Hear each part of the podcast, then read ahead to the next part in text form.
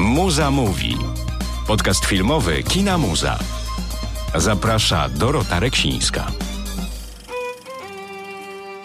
Cześć, witam Was bardzo serdecznie w kolejnym odcinku, w kolejnej audycji Muza Mówi. Spotykamy się już po raz szósty i dzisiaj przyszedł taki moment, żeby zastanowić się trochę nad filmoterapeutyczną rolą kina. Oczywiście jest to związane też z tym, że zajmujemy się tym e, na co dzień, ponieważ co miesiąc, kiedy kino działa normalnie, spotykamy się w ramach cyklu Filmoterapia z Sensem i dzisiaj razem ze mną będzie rozmawiał duet, który jest Wam bardzo dobrze znany, a mianowicie jest ze mną psychoterapeutka Joanna Sowińska i moderator cyklu, którego też na pewno wszyscy znacie i lubicie, Łukasz Raszewski. Witajcie. Witam. Witaj Dorota, witajcie. Witajcie, bardzo mi miło, że, że możemy się spotkać w tym gronie, mimo że rozmawiamy oczywiście zdalnie z własnego domowego zacisza. Jeżeli wchodzimy w temat tego, czym zajmujecie się stale, natomiast to, że film ma siłę terapeutyczną, o tym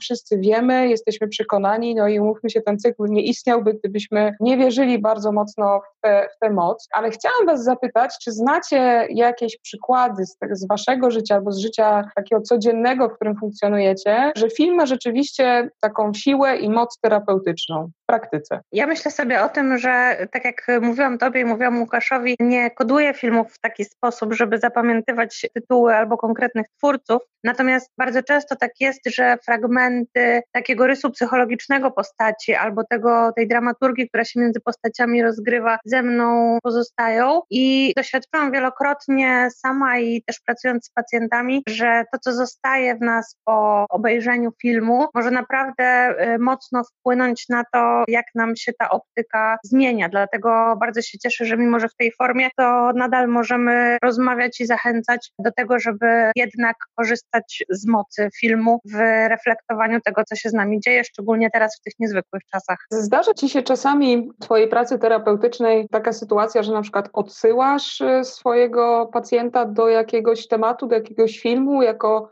jakby rzucasz jakąś referencję do, do zgłębienia? Jeżeli chodzi o konkretne tytuły, to często tak, dlatego że wiesz, to tak działa, że bardzo dużo tematów, które poruszamy w gabinecie, to są tematy, które się wiążą z lękiem i natura tych spraw, o których rozmawiamy, o których każdy z nas gdzieś tam myśli, bo przecież natura problemów terapeutów jest taka sama jak natura problemów pacjentów, uruchamia różne mechanizmy lękowe, natomiast oglądając zbliżone historie na ekranie możemy odbierać to, co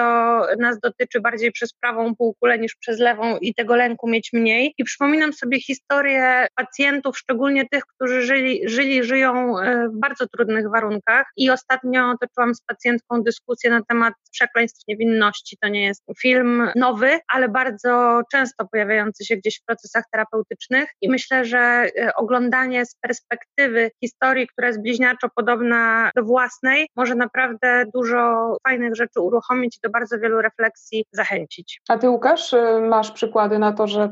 ten film ma tą moc terapeutyczną w takim życiu codziennym? Jeżeli chodzi o to, co powiedziała Asia, to zgadzam się z, jak najbardziej z tym, co, co padło z jej strony. Na pewno trzeba pamiętać też o tym, że film ma ogromną siłę, ale to on nie zastąpi pracy z terapeutą i to, to jest tylko pewien dodatkowy element, który można wykorzystać w pracy terapeutycznej, a wiadomo, że w Stanach Zjednoczonych na przykład była taka tendencja przy rozwijaniu nurtu filmoterapii, filmy właściwie przypisywano jak lekarstwo na recepcie, podrzucając takie gotowe rozwiązania. Dla niektórych osób może to być gotowe rozwiązanie, które, które mogą wykorzystać. Natomiast wydaje mi się, że my taką filmoterapię tak naprawdę odbywamy przy każdym seansie, przy każdej kontakcie z filmem, kiedy odbieramy pewne emocje, które rezonują z tym, co widzimy na ekranie filmowym. Przyglądamy się decyzjom bohaterów, ich motywacjom, ich emocjom i zastanawiając się nad tym, dlaczego tak, a nie inaczej odczuwają, dlaczego tak, a nie inaczej postępują, sami sobie zadajemy też pewne pytania. Zastanawiamy się, jak też zachowalibyśmy się w ich pozycji, w ich sytuacji i tak naprawdę wydaje mi się, że tak taką filmoterapię, świadomie bądź nieświadomie, każdy z nas przechodzi e, w trakcie seansu filmowego. Pytanie tylko brzmi, na ile potrafimy też wykorzystać to, co wniesiemy z takiego seansu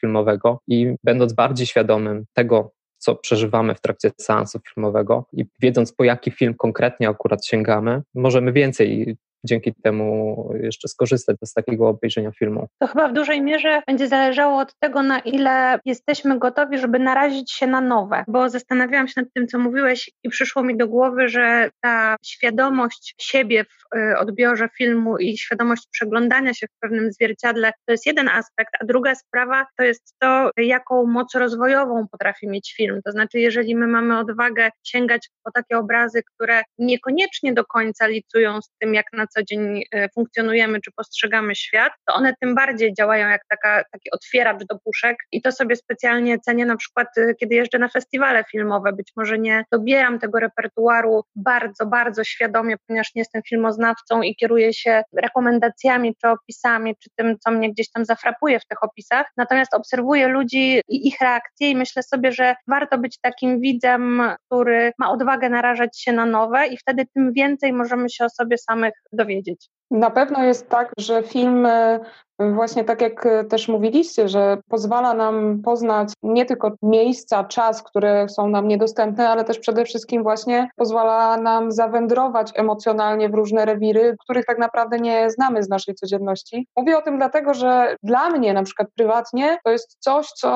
od najmłodszych lat mnie właśnie w kinie ujęło, że mogłam e, mierzyć się z, z, sytuacjami, z emocjami, co do których niespecjalnie miałam dostęp, no bo jako na przykład nastoletnia dziewczyna oglądając sprawę Kramerów, nie byłam w stanie rozumieć, czym jest sytuacja rozstania po wieloletnim związku, rozstania przy dziecku i rozpadu, czy w ogóle rozpadu relacji. Natomiast ten film oczywiście zupełnie inaczej go wtedy odbierałam aniżeli dzisiaj, ale pozwolił mi znaleźć w sobie empatię i jakieś współodczuwanie tej, tej sytuacji. To jest jeden z wielu przykładów, także co do tej funkcji nie mam też najmniejszych wątpliwości, a nawet powiem, że, że szalenie ją doceniam. Przyszło mi do głowy, jak mówiłaś, że tym jest jeszcze jeden walor, to znaczy, że dialog z filmem, dialog odbiorcy z filmem może odbywać się w takim stopniu wewnątrz i na zewnątrz, jak o tym zdecydujesz. Czyli on ma taką przewagę nad rozmową, że jeżeli chciałabyś się z otoczeniem podzielić tym, e, jaka strona została w tobie uruchomiona, albo jakie refleksje ci przyszły do głowy, czy jakie emocje się pojawiły, to możesz to zrobić. Natomiast możesz też bardzo dużo zachować dla siebie i jest to w tym sensie mniej obnażające i bardziej bezpieczne i można sobie po prostu pobadać stopą, wysunąć jedną nogę, pobadać różne grunty, a niekoniecznie od razu ujawniać wszystko, co przeze mnie przepłynęło. Dlatego rzadko na przykład pytamy w procesie terapeutycznym pacjentów y, szczegółowo o to, co się w nich pojawiło, albo jakie wrażenie w nich pozostało, dlatego że ważniejsze jest to, żeby oni mogli sami zdecydować, ile chcą odsłonić, a ile chcą pozostawić po prostu dla siebie. Tak, to prawda. E, można powiedzieć, że oglądanie filmów z jednej strony może rozbudzać nas taką pasję eksploratora, pasję człowieka, który, tak jak powiedziałaś, Asiu, możemy sprawdzać nowe rzeczywistości, nowe sytuacje w zupełnie innych wymiarach czasowych, przestrzeni i też pozwolić nam się postawić w innych sytuacjach, poznać inne punkty widzenia, a jednocześnie daje to nam bezpieczeństwo, że jednak jesteśmy widzami, jesteśmy w bezpiecznym miejscu, nie jesteśmy narażeni na te sytuacje, które obserwujemy w filmie bezpośrednio. Jest to taki bezpieczny katalizator tego doświadczenia y, i jest to na pewno też ułatwiające i to też można bezpiecznie wykorzystać w procesie terapeutycznym. Bardzo wielu ludzi w ten sposób w ogóle asymiluje różne tematy. My żyjemy w czasach, kiedy wiele rzeczy fluktuuje, zmienia się, y, rzeczy nabierają jakichś nowych znaczeń, czy funkcjonują w nowych kontekstach. Myślę, że udało nam się społecznie, to będzie optymistyczna myśl, ale głęboko w nią wierzę, że udało nam się społecznie też pożegnać się z wieloma stereotypami, czy jakby przejść przez pewne ewolucje w relacjach międzyludzkich, właśnie dzięki temu, że w kinie ludzie mogli obejrzeć, różne sytuacje, zobaczyć, jak one się rozwijają, jak ten inny pisany z wielkiej litery wcale nie jest taki groźny i, i doświadczyć, zempatyzować, zobaczyć to, jak bardzo wiele on odczuwa i w jakim jest położeniu. I chyba u wielu osób wpływa to również na otwartość i przy tematach społecznych, takich ogólnych, na przykład jak te związane ze stereotypami, i w sytuacjach bardzo indywidualnych, na przykład wtedy, kiedy ludzie rozważają rozstanie albo rozważają adopcję, gdzieś ta funkcja kina, myślę, i w makro, i w mikrowymiarze naprawdę jest w stanie dla nas dużo dobrego zrobić. Ale przy tej okazji chciałam zapytać Was w sumie, czy, czy nie jest tak, że jednak intuicyjnie wybieramy w kinie tematy, które jakoś są nam bliskie? Chodzi mi o to, że jeżeli mamy jakiś problem, tak jak mówiłaś na przykład Asiu, nie wiem, doświadczamy rozstania, to, to ciągnie nas właśnie do zgłębiania poprzez kino tego tematu, który aktualnie przeżywamy, po to, żeby szukać nowych punktów odniesienia, no chyba, że ktoś w takim masochistycznym tonie po prostu chce się jeszcze bardziej umartwiać. Myślę, że to jest cenne i nie ma w tym nic ani dziwnego, ani zdrożnego, że zaczynam od tego, co bliskie. Natomiast wartościowe z mojego punktu widzenia jako terapeuty są na przykład takie spotkania, jak nasze spotkania filmoterapii, dlatego że no, nie doświadczamy w Polsce zbyt dobrej i szerokiej edukacji filmowej niestety i jeżeli samorzutnie zaczynamy od tego, co jest nam znane i co chcemy trochę w charakterze takiej grupy terapeutycznej sobie w tym kinie zbudować, czyli zobaczyć, że inni mają podobnie, podpatrzeć być może jak sobie z tym radzą, ale przede wszystkim odczuć, że nie jesteśmy z jakąś kwestią sami, to to może być punkt wyjścia. Gdybyśmy mieli możliwość częściej rozmawiać z ludźmi takimi jak ty czy Łukasz, którzy otwierają nam te horyzonty sztuki filmowej i pokazują, gdzie można zajrzeć, do jakiego pokoju można zajrzeć dalej, to myślę, że wielu by skorzystało. Tak, myślę, że jest to zdecydowanie ogromna wartość dodana filmoterapii, to, że spotykamy się w szerokim gronie, mamy różne spojrzenia na to, co oglądamy w trakcie seansu e, i to wychodzi w trakcie dyskusji. Myślę, że też jest ważne to, by uniknąć takiej sytuacji, gdzie przekonujemy przekonanych, a jest pewna, pewne ryzyko takiej, sami siebie też możemy próbować tak przekonywać, oglądając filmy tylko patrzące na dany problem z, jednej, z jednego punktu widzenia, z jednego jego aspektu. I tutaj jest ważne, żeby mimo wszystko trochę narażać się też na te eksploracje nowych obszarów, nowych spojrzeń. I myślę, że to jest ogromna siła filmoterapii. To, że na naszych spotkaniach po seansie y, dyskutujemy ze sobą, okazuje się, że osoba, która siedzi obok nas, może na to patrzeć zupełnie inaczej niż my. I dochodzimy do wniosków, czasami zupełnie odmiennych niż te, które towarzyszyły nam bezpośrednio w trakcie oglądania filmu. To jest na pewno nie, niesamowita sprawa i niesamowita siła filmoterapii. Piękną wartością kina na pewno jest też to, że jeżeli, dajmy na to, siedzimy w grupie 100 osób i później w tej grupie dyskutujemy, to może się okazać, że każdy z nas w pewnym sensie zobaczył trochę inny film, bo kwestia interpretacji jest czymś bardzo indywidualnym. Zwracamy uwagę na różne aspekty, na różne rzeczy, na różne wątki i myślę, że różnorodność tych punktów widzenia sprawia, że z jednej strony jesteśmy w stanie lepiej zgłębić to, co zobaczyliśmy, ale też to rozmawianie o kinie przecież zbliża ludzi. To, co powiedziałaś, to właściwie zawarta w dwóch zdaniach definicja współczesnej psychoterapii. To znaczy, kiedy my przyjmujemy pacjentów czy klientów w gabinecie, nieważne czy rozmawiamy pół roku, rok, czy rozmawiamy jednokrotnie, to tak naprawdę cały nasz terapeutyczny wysiłek skierowany jest na to, żeby zaproponować taki punkt widzenia, zgodnie z którym prawda nie istnieje i obiektywizm nie jest czymś, co w świecie psychicznym sprawdza się najlepiej jako recepta na postrzeganie świata, tylko raczej zachęcamy do konstrukcjonizmu, do tego, żeby przyjąć, że problemem jest to, co ludzie umówią się nazywać problemem, a rozwiązaniem jest to, co ludzie umówią się nazywać rozwiązaniem. I wielokrotnie po naszych spotkaniach filmoterapeutycznych, kiedy ludzie podchodzą, dyskutują, już nawet po tym, jak e, zakończymy dyskusję, to mam takie doświadczenie, właśnie jak Łukasz powiedziałeś, że, że podchodzą pary, podchodzą rodziny, podchodzą przyjaciele, którzy razem siedzieli obok siebie i, i oglądali film o wspólnym tytule, a tak naprawdę zobaczyli historię, którą sobie narracyjnie rozgryzają zupełnie inaczej i przez filtr swoich doświadczeń rozumieją ją zupełnie inaczej. Także nawet jeżeli jedynym rezultatem oglądania filmów, czy brania udziału w dyskusjach, czy jeżdżenia na festiwale, czy współtworzenia w ogóle wydarzeń kulturalnych byłoby to, żeby przekonać się, jak różnie ludzie żyją, jak różne decyzje podejmują i jak różnie korzystają ze swoich zasobów, to myślę, że i tak to by bardzo znacząco zmieniło świat. Myślę, że jeszcze trzeba pamiętać o tym, że film dokumentalny może być na nakręcony z różnych pozycji. Z jednej strony może to być takie spojrzenie obserwatora, który nie próbuje się angażować po żadnej ze stron konfliktu, czy po żadnej ze stron e, problemu, który jest opisywany. Z drugiej strony są też filmy, które są kręcone pod tezę, bądź filmy, które dosyć jawnie opowiadają się po jednej bądź po drugiej stronie danego konfliktu, danej sytuacji. To też jest ważne, by nie dać się złapać w pewną pułapkę, jaką czasami na nas stawiają filmowcy. Pułapkę tego, jak sugestywny medium jest też film i taka dyskusja po seansie to też jest właśnie taka próba krytycznego spojrzenia na, też na sztukę filmową. Może u nas na, na filmoterapii to nie jest jakimś najważniejszym elementem, czy jest może na, gdzieś na drugim planie, natomiast te krytyczne uwagi co do formy, krytyczne uwagi co do tego, jaką technikę wybiera reżyser czy scenarzysta filmowy i jak próbują pokazać dany problem, to też jest bardzo ważne i też wprowadza wartość dodaną do, do tej dyskusji.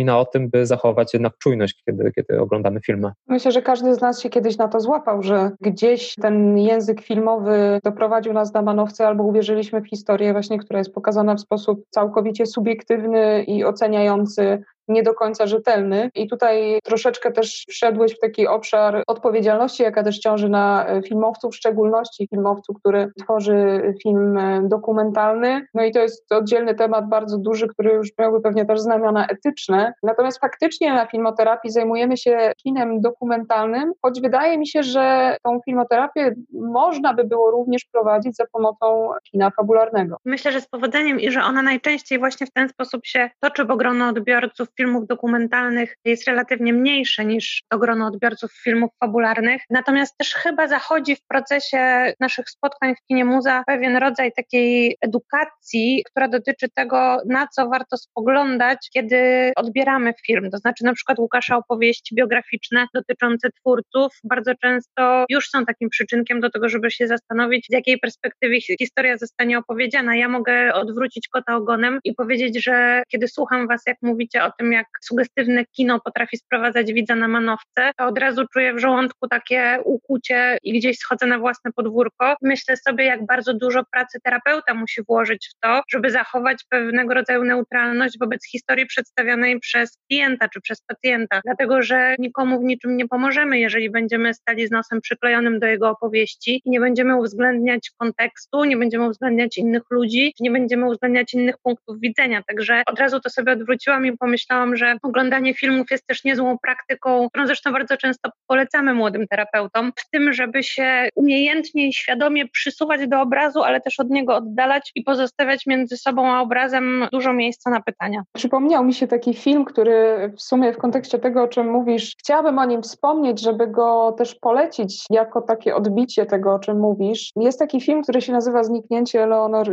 Rigby i to jest film, który został nakręcony z trzech perspektyw perspektyw. Film tak naprawdę opowiada o rozpadzie, rozpadzie związku, rozpadzie małżeństwa i mamy ten film, tę samą historię opowiedzianą trzykrotnie w wersji on, ona, oni. Każdy z tych filmów, mimo tego, że teoretycznie opowiada nam dokładnie tę samą historię, stawia kogoś innego w inny punkt widzenia. Jest to niesamowite i tak naprawdę jedyny projekt filmowy, tu akurat reżyserem był Ned Benson, który tak namacalnie i dosłownie wchodzi w tę przestrzeń właśnie, że punktów widzenia na daną sytuację sytuacji jest zawsze tyle, ile uczestników danej historii. Czyli właściwie on się zreflektował sam nad sobą. To musi być doskonałe, muszę koniecznie to obejrzeć. Serdecznie to polecam. To jest film z 2014 roku, więc już trochę lat ma i on tak naprawdę funkcjonował w obiegu festiwalowym, nie miał jako takiej premiery kinowej. Zdarzało mi się doprowadzić do tego, żeby ściągnąć jedną, niestety tylko perspektywę na, na tanie czwartki w kinie muza. Właśnie na zachętę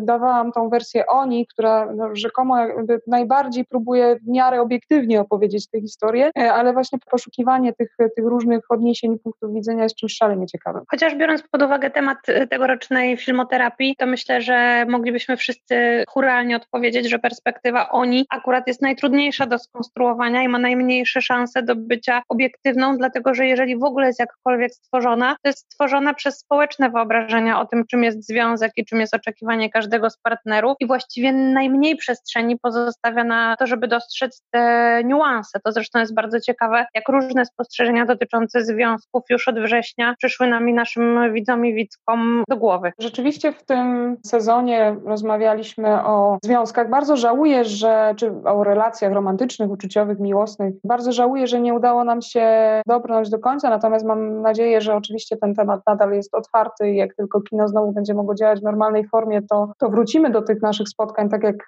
je planowaliśmy ale też Ciekawe jest to, że no, obraliśmy taką ścieżkę tematyczną w tym sezonie. Ona była związana z bardzo dużą frekwencją i bardzo dużym też zainteresowaniem publiczności tym, żeby właśnie w tym temacie, żebyśmy razem mogli rozmawiać. I zastanawiam się, czy, czy macie takie poczucie, bo pamiętam, jak długo rozmawialiśmy w tym gronie też o tym, jakim tematem spiąć cały cykl. I czy macie takie odczucie, że jednak ta potrzeba posiadania kogoś bliskiego, posiadania drugiego człowieka, czy właśnie wchodzenia w taką miłosną relację, jest jedną z podstawowych potrzeb, jaką ma człowiek. Chyba nie jestem w stanie przywołać bardziej pierwotnej i bardziej podstawowej potrzeby, która by gdzieś kierowała tym, jakich wyborów dokonujemy, jak sobie układamy życie to trochę jest pójście za tym, o czym już dzisiaj mówiliśmy, czyli zapraszanie ludzi w pierwszym odruchu do tego, żeby przyjrzeli się tematowi czy kontekstowi, który jest im bliski. Niewątpliwie tworzenie takich związków jest tym, tym pierwszym bliskim tematem, pierwszym bliskim kręgiem. Natomiast potem trochę wrzucanie kamyczka do ogródka, czy wbijanie pewnego klinu i obserwowanie tego, co się w nas wszystkich dzieje, kiedy odchodzimy od bardzo romantycznej, baśniowej i wyidealizowanej narracji na temat związków, odchodzimy od historii o dwóch połówkach pomarańczy, o tym, że jak się już spotkają i znajdą, to potem będą żyli długo i szczęśliwie. I to chyba pokazuje, że każdej opowieści, niezależnie od tego, czy ona dotyczy władzy, czy ona dotyczy konfliktu, czy ona dotyczy poczucia bezpieczeństwa, gdzieś w jakiś sposób twórcy odpowiadają na pytanie, co człowiek robi z samotnością, co robi ze strachem przed śmiercią. I właściwie zaryzykowałabym stwierdzenie, że niemal każda historia jest w jakimś sensie E, historią o związkach, szczególnie tych najbardziej intymnych. To, co jest wyjątkowe w e, naszym cyklu, to to, że w przeciwieństwie do większości filmów, zwłaszcza tych najpopularniejszych wśród widzów, tych masowo oglądanych, w trakcie filmoterapii nie skupiamy się na tym fragmencie romansu, randkowania, który wydaje się nam być najbardziej atrakcyjny, a zwłaszcza najbardziej atrakcyjny dla filmowców. Raczej skupiamy się na tym, co się dzieje w trakcie tego, co pada po tym gdy pada fraza i żyli dalej długo i szczęśliwie. Zdecydowanie bardziej nas interesuje to, co dzieje się potem, mm, na tym, jak wygląda ten proces dochodzenia do wspólnych wartości, dochodzenia do wspólnego pola działania w związku, do tego, jak ten związek jest testowany przez czas i kolejne wydarzenia, które spotykają nas w życiu. No ale tak naprawdę zgłębiając ten obszar, wchodzimy w ten rejon, który jest y, najtrudniejszy. No samo, samo randkowanie i to poczucie ogromnej euforii, kiedy związek się rozpoczyna, jest stosunkowo moim zdaniem naj, najprostsze i to, co się zaczyna później, czyli ta codzienność, w której trzeba razem funkcjonować i właśnie szukać kompromisów i trwać przy sobie, to są te, te etapy, które już później są dużo trudniejsze i których wypracowywanie być może właśnie da taki piękny finał, o którym mówiłeś, Łukasz, czyli żyj długo i szczęśliwie, ale... Mam wrażenie, że to, co jest wspólnym mianownikiem tych etapów postzakochaniowych, to jest konieczność poddania dużej części swojej niezależności. Psychologowie są zgodni co do tego, że ta siła wewnętrzna, która dotyczy samostanowienia, która dotyczy wpływania na swoje życie, czy właśnie bycia niezależnym na tyle, na ile kontekst pozwala, no jest jednym z podstawowych motorów naszego funkcjonowania. Natomiast bycie w relacji z drugim człowiekiem o zupełnie innych innych przyzwyczajeniach, zupełnie innej historii z rodziny pochodzenia, często też innych planach i marzeniach, bo świat w tej chwili trochę funkcjonuje jak supermarket, a przynajmniej funkcjonował do tej pory, co napędzało te nasze plany i marzenia. Funkcjonowanie z tą drugą, zupełnie różną osobą wymaga od nas oddania dużej części swojej niezależności. To, co nam wybijało i w trakcie dyskusji, to, co jest wciąż obecne w gabinecie, kiedy pracuje się z parami, to jest pytanie, czy ta relacja, ten człowiek, to jest dla mnie coś na tyle wartościowego, że ja bym chciała tak strasznie dużo dużą rzecz, jak poddanie części swojej niezależności, zrobić. Czy to jest warte, czy ta transakcja się powiedzie, czy to jest dobra inwestycja i myślę, że tak jak mówiliście, o ile seria początków, czy życie jako seria udanych początków, to jest coś, co większości, bo też nie wszystkim, ale większości z nas przychodzi w miarę łatwo, o tyle odpowiedź później na pytanie, na ile warto jest oddać dużą część swojej niezależności, przysparza już nam naprawdę dużych problemów. Tak, wydaje się, że przejście od fazy ja i ty do fazy my i powiedzenie tego hasła my bez takiego poczucia ogromnej straty, czy bez poczucia żalu, jest tak naprawdę kluczem tego, tego wszystkiego, co próbujemy przebrnąć w trakcie procesu poznawania się z naszym partnerem i przysparza to rzeczywiście wielu, wielu potyczek, wielu, wielu problemów, które, które spotykamy po drodze. Na pewno trzeba też e, zrezygnować z jednej rzeczy, która jest szalenie zawodna, a mianowicie z oczekiwań. Wydaje mi się, że punkt wyjścia do tego, żeby budować budować coś z drugim człowiekiem, żeby budować to właśnie na oczekiwaniach, że ta osoba ma być taka, a nie inna, reagować tak, a nie inaczej i właśnie grać nie pod nas, a pod tylko pode mnie, no jest najgorszym, który można założyć. Łatwo powiedzieć, dużo trudniej zrobić, dlatego bardzo bezpiecznie, choć nie bez dyskomfortu często, zacząć od tego, żeby pooglądać to na ekranie. Bardzo wiele się mówi teraz o tym, e, że nie jesteśmy, czy nie powinniśmy być ze sobą po to, żeby siebie nawzajem zmieniać. I mam wrażenie, że w tych trudnych czasach, kiedy wiele definicji należy budować na nowo, czy po prostu trzeba budować na nowo, bo nie mamy innego wyjścia, ten odwieczny spór takiej części bardzo zachowawczej w człowieku, która mówi, że to, w czym wyrosłem i to, w co wierzę, powinno w nienaruszonym kształcie mi dalej towarzyszyć, i tej części rozwojowej, która ma ochotę podskoczyć do góry i powiedzieć: Tak, jesteś dla mnie okazją do rozwoju, chętnie zmienię różne obszary swojego życia. Ten spór między tą częścią zachowawczą a rozwojową naprawdę zyskał niesamowicie dużo napięcia, bardzo wiele dylematów i jest jeszcze trudniejszy niż był do tej pory. Te takie skrzaty, które nam siedzą na dwóch ramionach i podpowiadają do ucha różne rzeczy, toczą w tej chwili naprawdę zażartą walkę. Na pewno jest to dużo trudniejsze, kiedy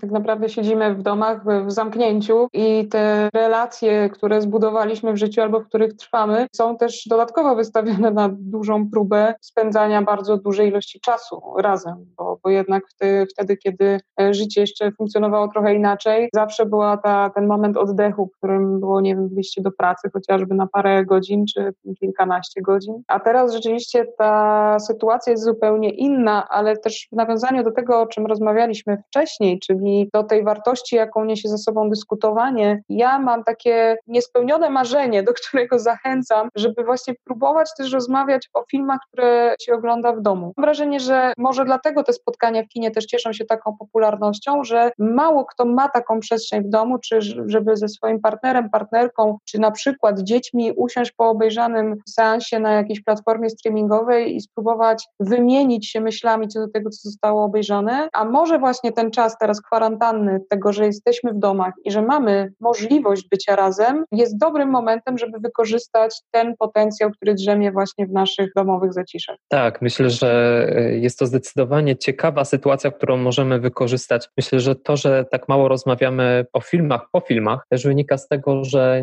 niestety nie ma w nas takiego nawyku, nie ma też nawyku w trakcie edukacji szkolnej, tego by filmy były bardzo dużą, integralną częścią edukacji szkolnej i one są trochę traktowane marginalnie i tak samo marginalnie e, jest traktowana dyskusja o tym, co zobaczyliśmy. Często zostajemy z tym sami, z, tym, z tymi doświadczeniami. Natomiast myślę, że to jest bardzo dobra propozycja, by w tym czasie, kiedy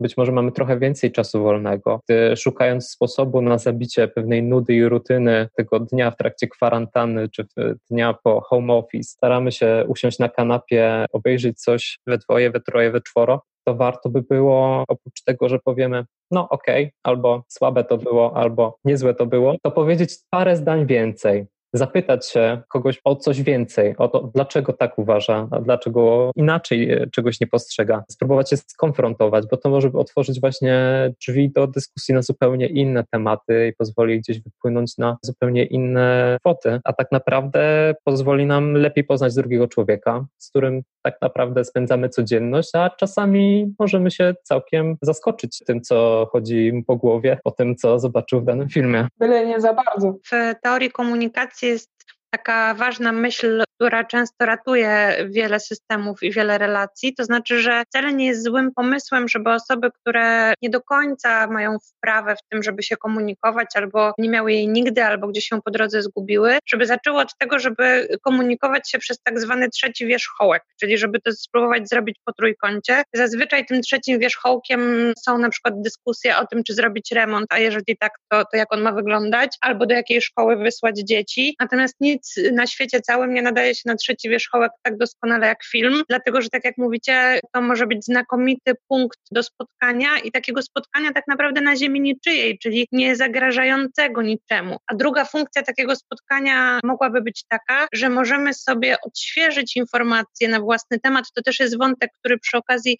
dyskusji o parach nam się często pojawiał, że my jesteśmy szalenie uważni na etapie zapoznawania się i wtedy jesteśmy siebie ciekawi i, i gromadzimy te informacje dotyczące tego, co kto lubi, co się komu podoba, jak lubi spędzać czas, jakie ma zdanie, być może na jakieś tematy życiowe czy społeczne. Potem zamykamy tę wiedzę w szkatułce i bardzo niewielu z nas ma taką myśl, żeby to od czasu do czasu aktualizować. I potrafimy sobie po latach robić zupełnie nietrafione prezenty i w gestach, i w formach materialnych, bo nie aktualizujemy tej wiedzy na własny temat. I jeżeli komuś nie leżą takie, wiecie, coachingowe ćwiczenia z siedzeniem naprzeciwko siebie i zadawaniem sobie pytań, to można to znakomicie zrobić w dyskusji o filmie, kiedy bardzo dużo wiedzy na temat drugiego człowieka może się po prostu zaktualizować i nagle się okaże, że te bilety do opery, które prezentujemy gdzieś tam komuś od 10 lat, oj, to już dawno powinny być zamienione na, na bilet wstępu na lodowisko, bo już zupełnie co innego sprawia naszemu partnerowi czy naszej partnerce frajdę. Zdecydowanie tak. Wiemy zatem, że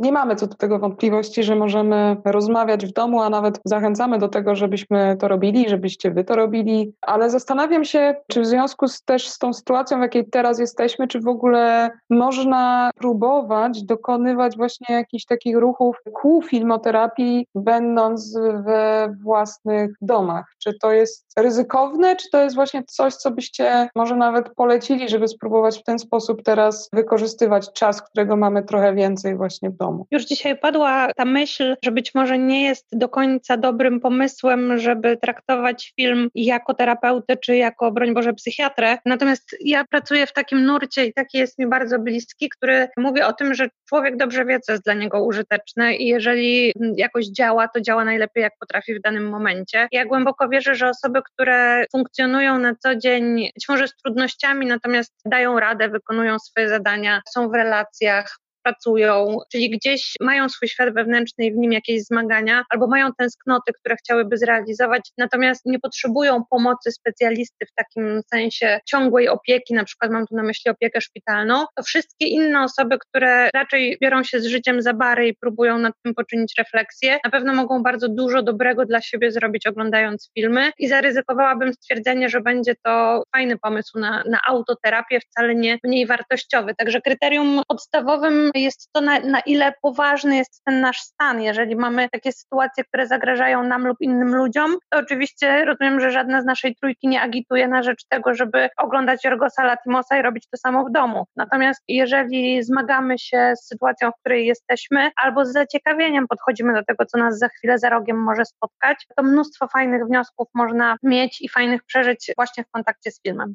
Ja się z Zaszem jak najbardziej zgadzam i wydaje mi się, że ten czas, który teraz mam, ten przedziwny czas, czas, przynajmniej ja staram się wykorzystać na to, by zwrócić się bardziej ku sobie, by zwrócić się bardziej ku swoim własnym potrzebom, spojrzeć na te rzeczy, które na co dzień może trochę odsuwałem, bo nie miałem na nie za dużo czasu, albo były gdzieś bardziej z dobiegu. I teraz skupić się bardziej na tym, by wykorzystać te chwile oddechu, wykorzystać to, że odrobinę jestem czasami uziemiony w domu, spróbować ten czas wykorzystać tak, żeby to był taki quality time, żeby nie mieć takiego poczucia, że siedzę na kanapie i nie wiem, co się dzieje, kiedy te godziny godziny w ogóle minęły i te minuty upłynęły, tylko spróbować e, ten czas przekuć na coś e, ciekawego, popróbować też filmowo takich ścieżek i takich krain, w których jeszcze nie byłem i próbować trochę poeksperymentować z tymi właśnie tematami, może odrobinę tabu, albo tematami, które odrobinę odsuwają gdzieś na bok, bądź jakiejś konfrontacji. Ja myślę, że wymiarem eksperymentu też przy tej domowej filmoterapii jest też to, że ta sytuacja, w której się znajdujemy, może nam posłużyć, wiecie, do takiego treningu bycia z emocjami, dlatego że ten świat przedepidemiczny, bo jaki będzie poepidemiczny, to, to pewnie wszyscy będziemy to badać, natomiast ten świat przedepidemiczny e, bardzo przypominał chomika w kołowrotku i nawet jeżeli ludzie przychodzili do kina oglądać film, to często, nie mówię, że zawsze, ale często robili to z biegu i również ten bieg powracali. Jeżeli przychodzili na spotkanie z terapeutą, to samo. Byli między jednym spotkaniem a drugim, między jednym telefonem a drugim i nawet jeśli temu filmowi albo temu terapeucie udało się w człowieku poruszyć jakąś strunę, która domagała się przedłużenia tego dźwięku, która gdzieś mogłaby spowodować autentyczną refleksję, a co za tym idzie autentyczną zmianę w działaniu, to mam wrażenie, że bardzo często zostawało to w takim półdrganiu i rzeczy nie, nie miały szansy się przeprocesować i zadziać. Tymczasem teraz mamy taką okazję i to też może być wymiar tej domowej filmoterapii, żeby pozwolić rzeczom e, w nas jakoś rezonować. Być może będziemy mogli 15 minut dłużej po wyłączonym seansie po prostu sobie posiedzieć i, i, pomyśleć i pozwolić tym emocjom przepłynąć, a nie zagłuszać je tak jak mamy społecznie w zwyczaju poprzez taką poznawczą wymówkę pod tytułem już czeka na mnie coś kolejnego. No myślę, że wszystko zależy też od tego, jaki przyjmiemy punkt widzenia i jak e, właśnie na ten czas spojrzymy, tak jak mówiliście. Bardzo mi się podoba też e, Twoja propozycja, Łukasz, żeby jednak, i też staram się tak na ten czas patrzeć, żeby szukać takich przestrzeni do rozwoju, czy samorozwoju, czy właśnie eksplorowania jakichś nowych rejonów, ale też e,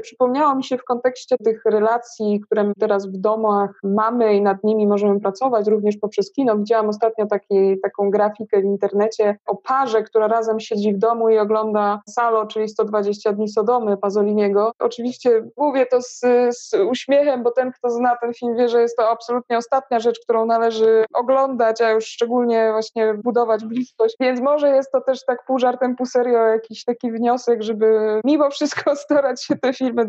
maksymalnie świadomie, jak się da. Przyszła mi do głowy jeszcze taka rzecz, e, w związku z tym, ile radości ta, ta wzmiankowana grafika w nas wywołała, że jest przecież jeszcze jedna sprawa, o której cię nie, nie porozmawialiśmy, a która absolutnie może się zadziać w ramach filmowej terapii w domu. To znaczy, że filmy są świetną pożywką dla dobrego nastroju, dla frajdy, dla humoru, które to z kolei też niekoniecznie no, moszczą się w naszym życiu na co dzień. Trochę tak jest, że taki rozwój pojęty jako coś rozumianego idealistycznie, jako coś szlachetnego, no to tak, ale żeby się tak pośmiać trzymając się za brzuch albo żeby współdzielić dużo frajdy, to tak niekoniecznie, no bo ani to nie jest dobrze widziane, wiecie, to takie dziecięce i jakieś infantylne, ani też e, za specjalnie nie ma na to czasu. I pomyślałam sobie, jak rozmawialiśmy w tym fragmencie o rozwoju, że, że też nie chciałabym zostawić Was wszystkich nas słuchających z taką myślą, że to właśnie musi być nieprawdopodobne sięganie gdzieś tam do szalenie górnolotnych obrazów. Te oczywiście są niezbywalnie wartościowe. Natomiast jeżeli od czasu do czasu mamy ochotę po prostu włączyć coś, co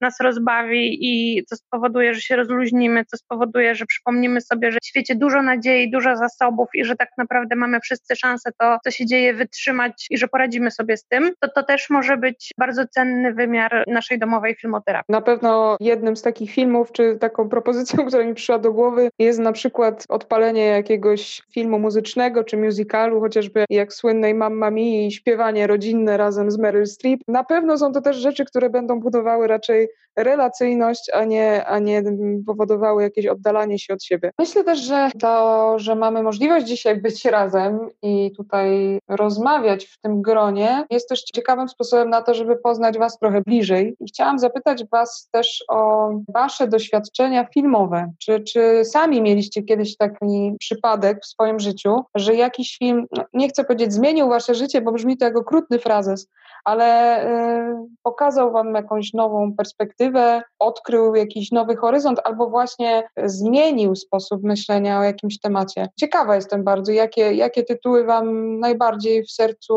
zapadły, jeżeli chodzi o Wasze drogi. Ja się przyznam, że filmy zacząłem traktować serio dosyć późno. Jakby ominął mnie ten cały szał związany na przykład z Królem Lwem e, w trakcie podstawówki albo 101 Dalmatyńczyków, więc to nie były punkty zwrotne i i, jeżeli chodzi o, o filmy, które zwróciły moją uwagę i w ogóle zacząłem myśleć o filmach w sposób taki poważny, czy dostrzegając, że filmy mogą być czymś więcej niż tylko rozrywką, a mogą nieść ze sobą coś więcej, to był film e, Duże Zwierzę Jerzego Sztura. Trafiłem na ten film zupełnie przypadkiem, przytykając pilotem pomiędzy kanałami i pamiętam, że będąc nastolatkiem, ten film, który był osadzony w takich realiach typowo polskiego malutkiego miasteczka, gdzie pewien element, który się wymyka spod jakiejś rutyny, spod tego, co większość uznawała za normę, i tym elementem był wielbłąd, który wzbudził niesamowitą agresję, niesamowite negatywne emocje w społeczności. Ten film mną wstrząsnął. To, to był na pewno film, który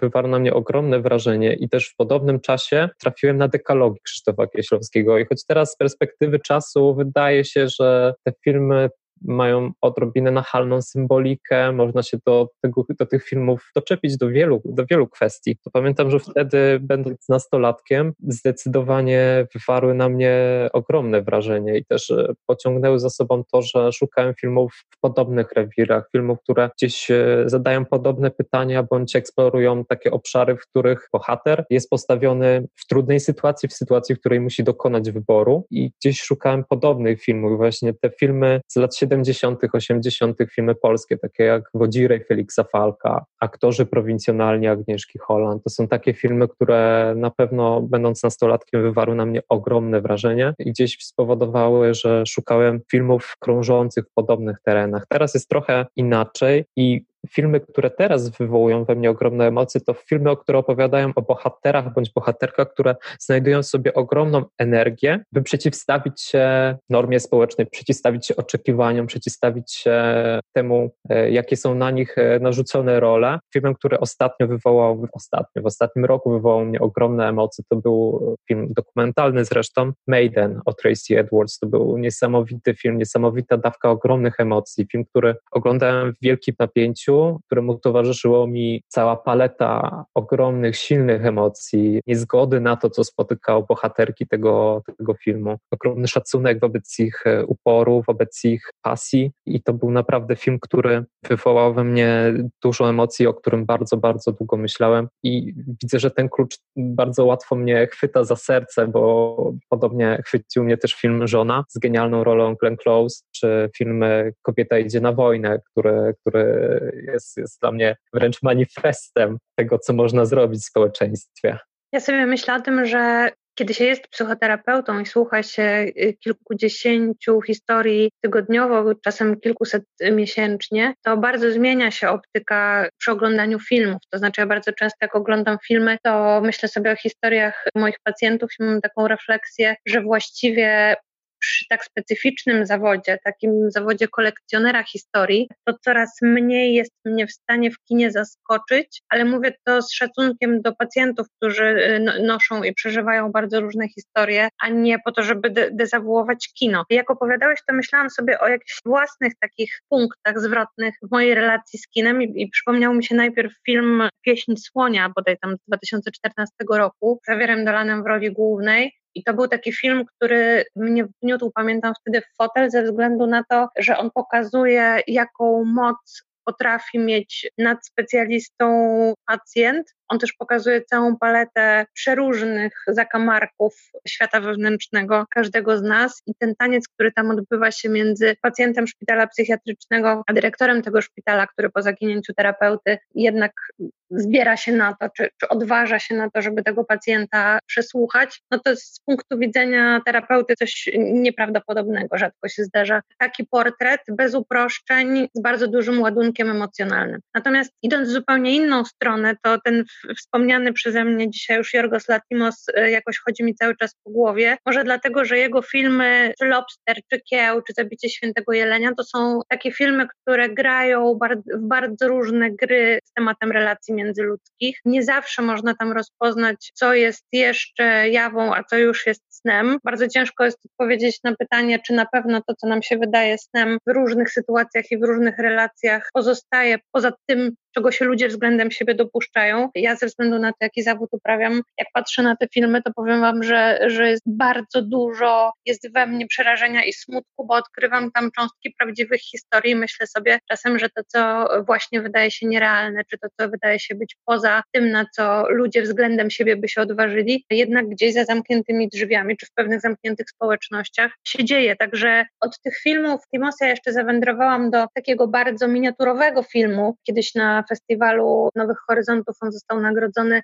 To jest film Attenberg. Jego reżyserka pracowała wcześniej jako scenarzystka z Jorgosem, który zresztą zagrał w tym filmie. I to jest moim zdaniem też bardzo ciekawe zaproszenie do tego, żeby sobie pooglądać nasze reakcje zarówno na treść, jak i na formę, bo to jest tak, taka opowieść o relacjach, o seksualności, o odkrywaniu siebie, która jest złamana poprzez ujęcia wręcz przyrodnicze i to pozwala zachować pewien dystans i zastanowić się nad kondycją człowieka i nad tym, ile w nas jest tego, co lubimy o sobie myśleć, czyli bardzo wzniosłego i poważnego i rozumowego, a ile w nas jest pierwotnego i zapraszającego do niekoniecznie zawsze dobrych i czystych zagrywek. Także trudno jest być terapeutą i chodzić do kina, ale pięknie jest być terapeutą i chodzić do kina, więc myślę, że każdy z nas może też trochę w ramach tej autoterapii sobie właśnie być w takiej pozycji, żeby oglądać historie i, i patrzeć, jak one w nas rezonują. Myślę, że stworzyliście w ten sposób taką trochę listę do, obejrzenia, nadrobienia. Szereg tych filmów jest dostępnych, bo nie są to przecież filmy premierowe, więc na pewno można do nich sięgnąć. Ja chciałam się z Wami też podzielić jednym filmem, który od momentu, jak go zobaczyłam, siedzi cały czas we mnie i za każdym razem, jak o nim myślę, to czuję, że, że zrobił on w moim życiu coś bardzo ważnego. To jest film e, stosunkowo świeży, bo raptem sprzed trzech lat. Film ma tytuł Ghost Story e, i na całe szczęście wbrew e, różnym manierom, które się zdarzają w Polsce, pod takim też tytułem był bardzo krótko w obiegu kinowym. To jest taka bardzo subtelna, taka wręcz nieśmiała, minimalistyczna historia o mężczyźnie, który ginie w wypadku i wraca pod postacią ducha, ducha takiego, jakiego znamy z dzieciństwa, czyli po prostu zawiniętego człowieka w prześcieradło. I choć brzmi to sama ta formuła właśnie ducha w prześcieradle sprawia, że moglibyśmy myśleć o tym trochę mniej poważnie, to myślę, że dla mnie to jest najpiękniejszy film o próbie przepracowania e, żałoby i podomykania różnych rzeczy w życiu i też zmierzenia się z tym, że czas się zmienia, zmieniają się okoliczności, sytuacje i konfrontujemy się ze zdarzeniami, na które nie mamy wpływu nie znam piękniejszej wariacji filmowej na, na temat tych zagadnień. Choć y, nie jest to, mimo tego, że to jest amerykański film Davida Loweriego i tutaj wbrew pozorom pod tym prześcieradłem przez cały film występuje Casey Affleck, a partneruje mu Rooney Mara. Mimo tego, że mógłby to być komercyjny film, on jest bardzo taki właśnie, wręcz bym powiedziała wymagający. Mamy tam na przykład scenę, kiedy Rooney Mara przez prawie 10 minut pogrążona w smutku je placek bodajże, czy sernik, już nie pamiętam jaki to jest rodzaj była tarta chyba. Chyba tarta z ciastem, tak. Wiem, że to jest taka scena, od której ja nie mogłam oderwać wzroku, bo właśnie ona mi konotowała skojarzenia z tym, jak właśnie doświadczamy w życiu trudnych zdarzeń i po prostu nic nam się nie chce i mamy ochotę siedzieć na ziemi i w tak bardzo długim e, czasie nie robić nic, po prostu zawiesić się i i nie mieć ochoty na, na robienie czegokolwiek. I w tym sensie widzę w tym filmie bardzo dużą prawdziwość i myślę, że jakbym miała wybrać taki jeden najważniejszy, to na pewno postawiłabym na niego. Aczkolwiek chętnie dorzucę taką dosyć kontrowersyjną myśl, bo jest jeszcze taki film, wokół którego stoczyłam mnóstwo wojen w swoim życiu, a mianowicie Drzewo Życia Teresa Malika, czyli film, który uważam, że jest to bardzo wrażliwy film, który oczywiście, jeżeli się go oderwie od też różnych tam takich religijnych konotacji, w które teraz Malik wchodzi, a spojrzy się na to jako opowieść o relacjach w rodzinie, to dla mnie jest to też taka historia, która e, na poziomie emocjonalnym dała mi bardzo dużo. Nawet powiem szczerze, oglądałam ten film pierwszy raz e, u siebie w domu, gdzieś w środku nocy i zdarzyła mi się e, taka sytuacja, która w warunkach domowych zdarza się stosunkowo rzadko, bardziej w kinie, kiedy nagle siedząc zaczęłam się śmiać na głos będąc sama ze sobą i z tym filmem. Więc jeżeli chodzi o takie wycieczki emocjonalne, to ja bym może jeszcze zaproponowała Wam, żeby spróbować się skonfrontować z tymi dwoma tytułami w ramach wychodzenia do tego, co nowe i narażania się na nowe. I próby wejścia w jakieś obszary tematyczne, które nie będą do końca może komfortowe i które też na pewno nie każdy przyjmie z taką samą otwartością, no bo przecież mamy do tego prawo, żeby interpretować to i odczuwać według własnych punktów widzenia i odniesienia. Kochani, było mi szalenie miło z Wami móc y, rozmawiać, a przede wszystkim Was usłyszeć, bo stęskniłam się za Waszym towarzystwem ogromnie, jak myślę, że my wszyscy. Mam nadzieję, że gdzieś jest jakieś światło na końcu tego tunelu szybciej niż później, że będziemy mogli już niebawem znowu rozmawiać wspólnie w naszych pięknych salach Kina Muza w dużo większym gronie aniżeli w tej dzisiejszej audycji. Dziękuję Asiu, dziękuję Łukaszu, że chcieliście też z nami dzisiaj być i podzielić się swoimi przemyśleniami. Dziękujemy Wam bardzo za zaproszenie. Dziękujemy Wam bardzo. Myślę, że ten okres izolacji i zamknięcia jeszcze bardziej nam wszystkim przypomina, jak bezcennym doświadczeniem jest móc oglądać filmy i nie mogę się doczekać, kiedy do tego wrócimy, tak jak mówisz, już w kinie muza. No i życzę wszystkim, żeby to było też takie doświadczenie, które nam pokazuje, jaką wartością jest to, że można te filmy oglądać w większym gronie i być w ogóle w większym gronie. Natomiast zostawiamy Was już dzisiaj z takim też przemyśleniem, żebyście może spróbowali przenosić te doświadczenia z filmoterapii naszej z kina muza teraz do Waszych domów, żebyście próbowali rozmawiać i po prostu też być razem w tych domach. Dziękuję Wam bardzo serdecznie. Do usłyszenia. Do usłyszenia i do zobaczenia w muzie. Do usłyszenia. Muza mówi. Producentem podcastu jest Estrada Poznańska.